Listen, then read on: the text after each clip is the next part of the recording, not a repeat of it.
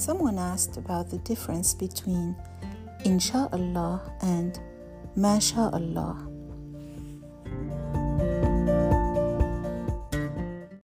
Well, both expressions contain the word sha'a, which is the verb to want. Insha'Allah starts with the word in, which means if.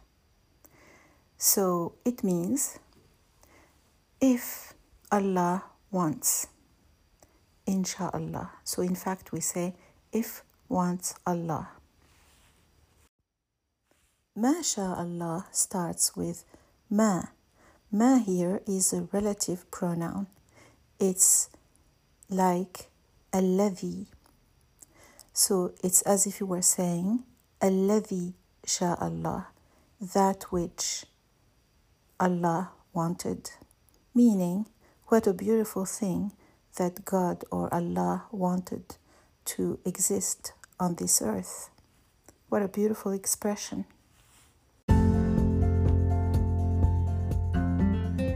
In summary, Insha'Allah means God willing, and MashaAllah is like saying wow.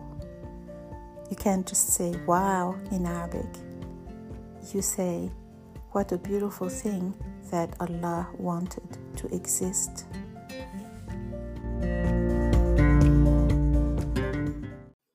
Continue studying on my YouTube channel.